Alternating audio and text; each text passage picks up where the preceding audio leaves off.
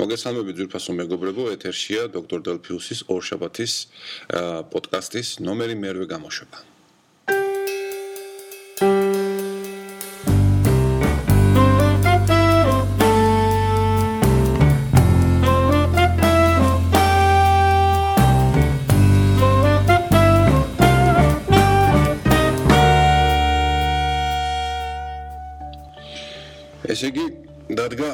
დღევანდელი დღე 27 მაისი. გადაცემას ვიწერთ დილას ორშაბათს ვართ ოფისში. აა გასული კვირა საკმაოდ დახუნძლული იყო სხვადასხვა ღონისძიებებით, სიახლეებით და ასე შემდეგ. ნუ პირველი ალბათ რაც მინდა რომ ვთქვა, აა გასული კვირის 4 შაბათიდან საკუთარი თავი შემიძლია უკვე ჩავთვალო თავისუფლად თუ შეიძლება ასე ითქვას აა მოკლედ ჩემი მეუღლესთან გაყრა საბოლოო ჯამში დასრულდა. ну დარჩა იქ რა თქმა უნდა რაღაცა იურიდიული მომენტები, რომლებიც დიდ პრობლემას არ წარმოადგენს და უკვე ერთმანეთთან შეთანხმებულია ძალიან კულტურულად წყნარად შვიდად როგორც დასავლეთში ხდება ხოლმე, ასე ვთქვათ, როგორც იტყვიან. აა ძალიან ბევრი პარაზიტი სიტყვები მაქვს, ახლა ბევრი პარაზიტი სიტყვა ვთქვი, არა უშავს. აა რას ვიზამთ? ცხოვრება გრძელდება და იმედი მაქვს რომ მიუხედავად ყველაფრისა მე კვლავ ფორმაში ვიქნები. სიმართლე გითხრათ, ეს სამი კვირა რაც მე ძველ სახში დაუბრუნდი, ახლა უკვე მეოთხე კვირა დაიწყო.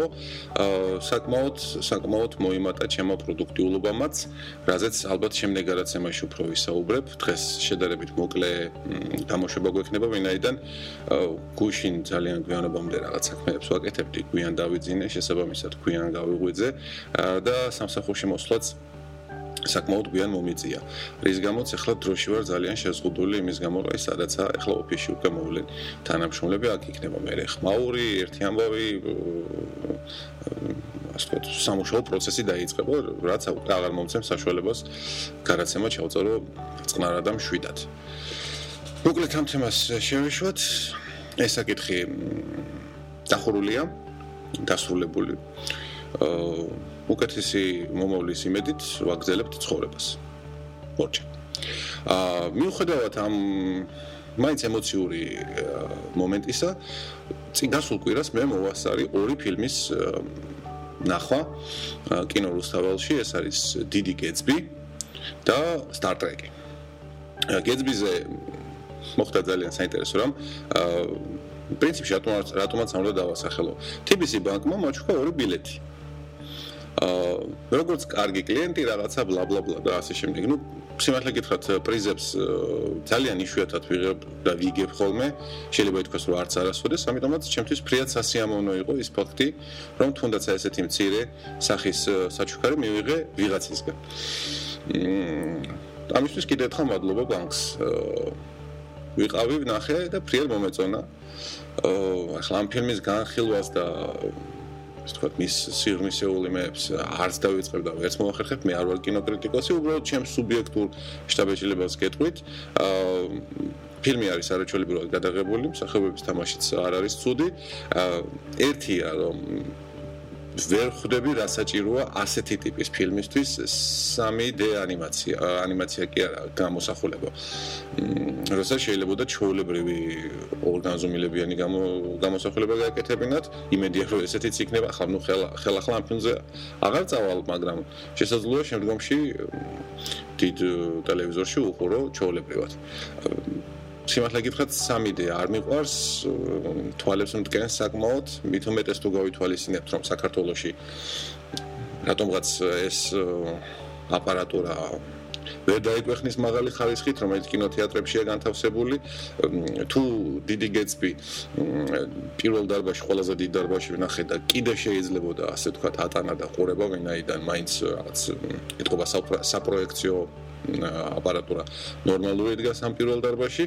Star Trek-ი ნახეთ აა შაბათს ნომერ მე-13 დარბაზში ერთი ბეწო აა და ძალიან ძალიან ჩაბნელებულად ჩანდა, ძალიან უხარისხოდ ჩანდა. ნუ მოკლედ მე არ დავჭი კმაყოფილი, თუმცა ფილმით კმაყოფილი დავჭი. გეცბის უბრალოდ ერთ სვიტყვი რომ ეს ჩემს Twitter-შიც დავწერე. მე გამიშრე ესეთი შთაბეჭდილება, რომ აქ პრინციპში გათამაშდა იგივე თემა, რაც ჯერ კიდევ წამოწეული ქონდა ილია ჭავჭავაძეს თავის თავის ნაწარმოებებში. ეგრეთ წოდებული ხიდ ჩატეხილობის პრობლემა. არ უნდა მოხდეს სხვადასხვა კლასების წარმომადგენლების ერთმანეთთან ჭიდრო დაახლოება. ეს აქტუალური იყო მე-19 საუკუნეშიც. აქტუალური იყო გასული საუკუნის 30-იან წლებში, 20-იან წლებში, როდესაც ფილმის მოქმედება ხდება და მინდა გითხრათ, რომ აქტუალური რჩება დღესაც. მიუხედავად ყველაფრისა, მიუხედავად ყველანაირი კონსტიტუციებისა, დეკლარაციებისა თავისუფლების თანასწორობის და ასე შემდეგ და ასე შემდეგ. მე მაინც მგონია რომ განსხვავება სოციალ სხვადასხვა სოციალურ კლასებს შორის კლავად ძალიან დიდი რჩება. შესაბამისად გონია და ვთვლი რომ ამ კლასებს შორის შეხება უნდა იყოს მინიმალური. კი. ითუმეტეს აბსოლუტურად წარმოუდგენელად მიმაჩნია ასეთი კლასებს შორის ოჯახური კავშირები. და ძალიან კარგად გამოჩნდა ამ ფილმის მაგალითზე. აი, ჩემი ტელეფონი ახლა ძალიან ბევრ ნოტიფიკაციას მაძლევს, რითაც ძალიან მაბრაზებს. აა ეს გეტბი. Star Trek-ს არ შეეხება. Star Trek-ზე მე ჩემს ბლოგშიც მაქვს დაწერილი. სხვა სხვა სოციალურ ქსელებშიც მოხდა წერილი, რომ ეს არის ჩემი ყველაზე საყვარელი სერიალი და ყველაზე საყვარელი სამყარო სამეცნიერო ფანტასტიკურ ნაწარმოებებს შორის, გნებავთ იყოს წიგნები, ფილმები და ასე შემდეგ. ნუ კომიქსებს მე პრინციპულად არ ვკითხულობ და არც მომწონს. აა ვარსკვლავურ ომებს მილიონჯერ მიჩვენია ეგრეთ წოდებულ Star Wars თუ ზეოზნე ვოინებს როგორც ჩვენ თან ეძახიან აა ერთადერთი ასე ვთქვათ მასშტაბურობით ამ სერიალს ამ სამყაროს შევადარებდი აიზეკ აზიმოვის მ გიგანტურ სამყაროსთან რომელსაც ქვია აკადემია რომელსაც ქვია რობოტების თემა რომელსაც ქვია ადამიანების და რობოტების ურთიერთობა ну ეს ძალიან მაგარი რაღაცაა და გირჩევთ ამ ციგნების წაკითხვას უახლოეს ხანში გამოვაცხობ სტატიას ამის შესახებ და თამიდურობითად გეტყვით იმ თანმიმდევრობას როგორიც უნდა წაიკითხოთ ეს ნაწარმოებები. ყოველ შემთხვევაში რუსულად ნათარგმნი არის თუ ვინც ინგლისური კარგად აიცის თუმცა რა თქმა უნდა შესაძლებელია ინგლისური ინგლისური ორიგინალების მოძიებაც ინტერნეტში გნებავთ. ლეგალურად გნებავთ არალეგალურად.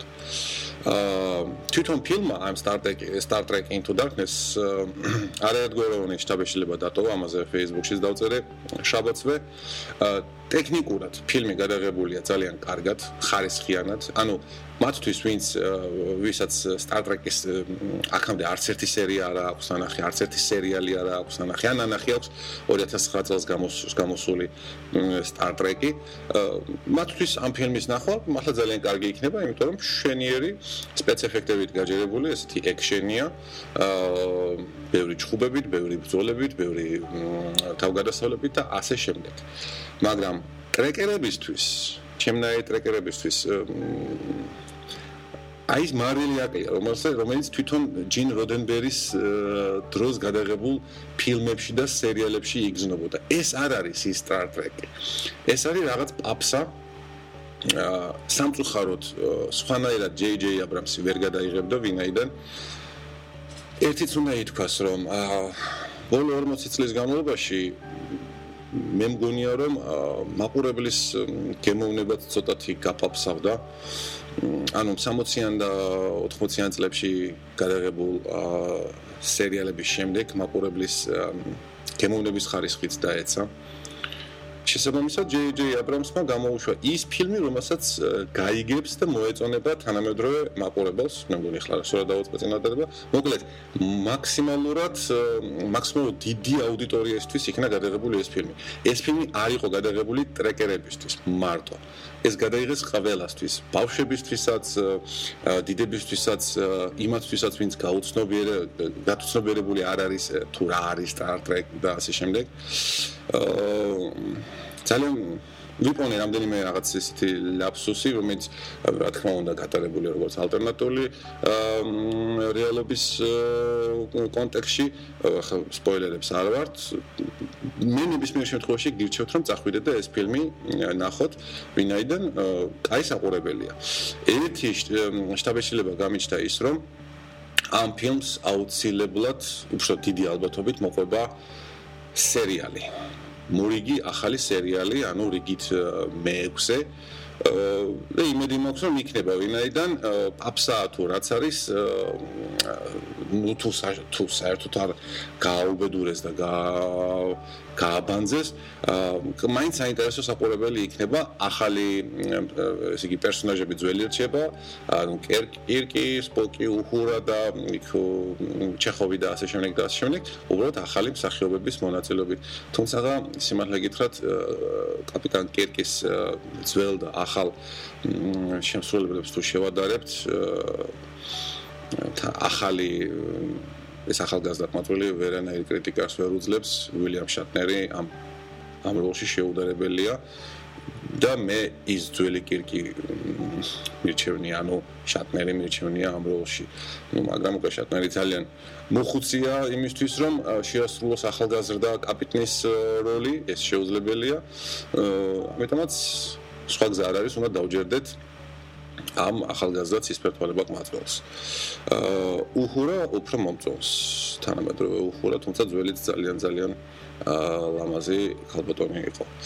მოკლედ, ველოდებით სერიალს დიდი იმედი მაქვს რომ იქნება სერიალი, ესე 5-7 სეზონის განმავლობაში რომ გაგრძელდეს, თუ რა თქმა უნდა, თანამედროვე კიდევ ერთხელ ვთქვი გაფაფსავებულ მაყურებლის დიდოდენობას მე არ მოსწინდება და ამის გამო კომპანიას, გადაგონ კომპანიას არ მოუწევს.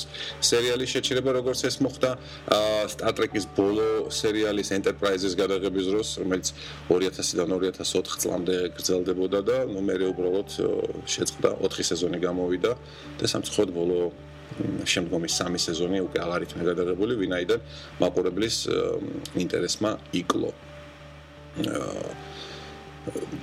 სხვა პრინციპში ალბათ ვერ დავამატებ.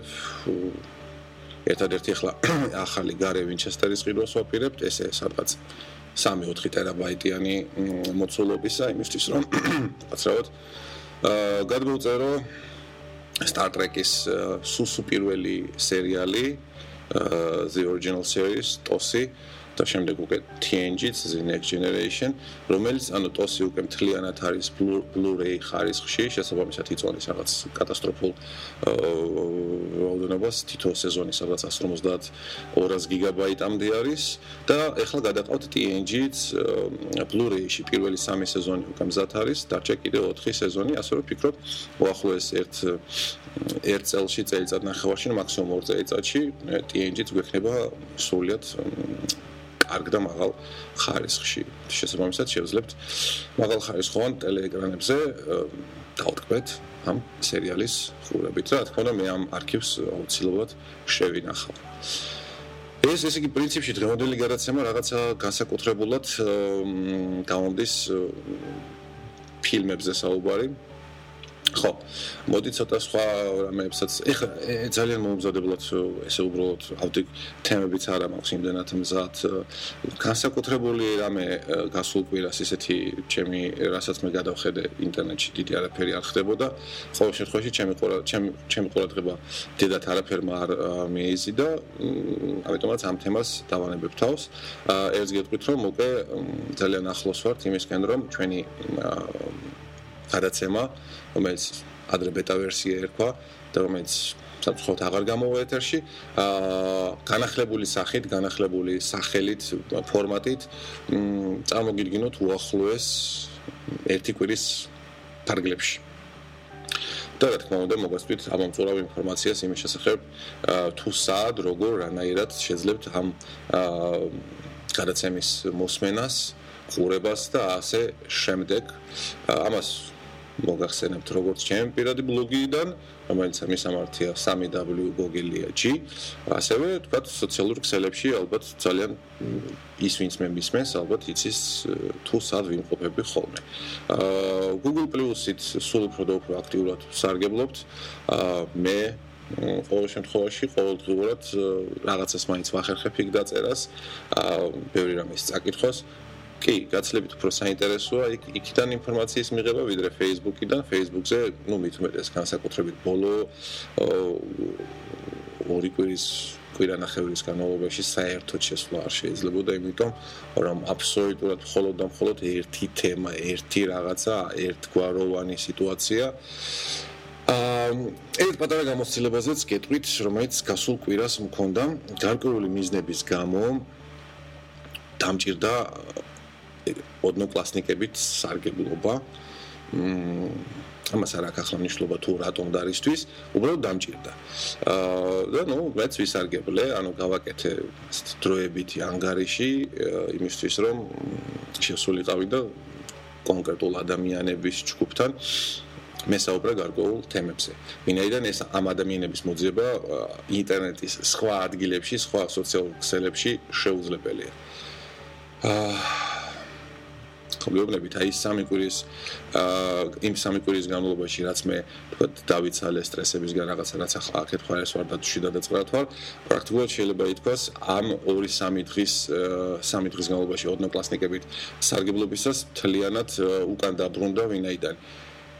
ესეთი ყანა ადგილი მე მეორე არ მინახია. ეს არის კატასტროფა რაღაც. აი აი არც კი ვიცი ამას რა უწოდო ეს არის ძალიან დაბალი ინტელექტის უკაცრავად, მაგრამ მე ჩემი საკუთარი აზრი რო არ თქვა, არ შემიძლია. ძალიან დაბალი ინტელექტის მქონე ადამიანების თავყრილობა. რა თქმა უნდა, ყველაზე არ ვიტყვი, რა თქმა უნდა, არიან იქ ადამიანები, რომლებსაც აა გარემოებათა გამო იმისთვის რო თქვა ძალიან დიდი ხნის უნახავ მეგობრებთან თუ ნათესავებთან ურთიერთობისთვის სხვა გზა არ გააჩნიათ, რომ ისარგებლონ ამ ქსელით, მაგრამ საკმაოდ დიდი პროცენტი მე მგონია ამ ქსელში IQ-ს ძალიან თაბალი კოეფიციენტით არის დაჯილდოებული ბუნების მხრიდან. არ ვიცი თქვენ თუ თუ სარგებლობთ, იმედია რომ არ სარგებლობთ ადაკლასნიკებით და არ გჭირდებათ მისი გამოყენება. ყოველ შემთხვევაში შემიძლია გითხრათ დაბეჭდებით, რომ დამიჯერეთ და შემიძლია გითხრათ, რომ გირჩევთ არასოდეს არის არის სარგებლოთ ამ სოციალური ქსელით, ვინაიდან იქ ისეთი кошмарული სტატუსები, იქ ისეთი кошмарული სურათები. აა profile picture-ებია, ну, აი ეს ხაპარი, რასაც ქვია, რა გინდათ კაცების, გინდათ ქალების. ეს უნდა ნახო რა, ამის ამის ენით გადმოცემა შეუძლებელი. არა, სნობი არა ვარ. ნამდვილად არა ვარ და არც ეგრეთ წოდებული პერო საზოგადოებას მივაკუთვნებ საკუთარ თავს. უბრალოდ საღად ვუყურებ ყველაფერს და ვხედავ თუ რამდენად ჯერ კიდევ ინტელექტი არაპოპულარული თემაა ზოგადად მასებში. ეს მარტო ქართველებს არ ეხებათ, ეს ეხება მთელი მსოფლიოს მასშტაბით. ეხლა კი ანაკლასტიკები არ არის მთელი მსოფლიოს მასშტაბით გავრცელებული ქსელი, მაგრამ ნებისმიერ შემთხვევაში ზოგადად კაცობრიობისათვის ინტელექტის პოპულარიზაცია ჯერ კიდევ არ არის მაღალ დონეზე.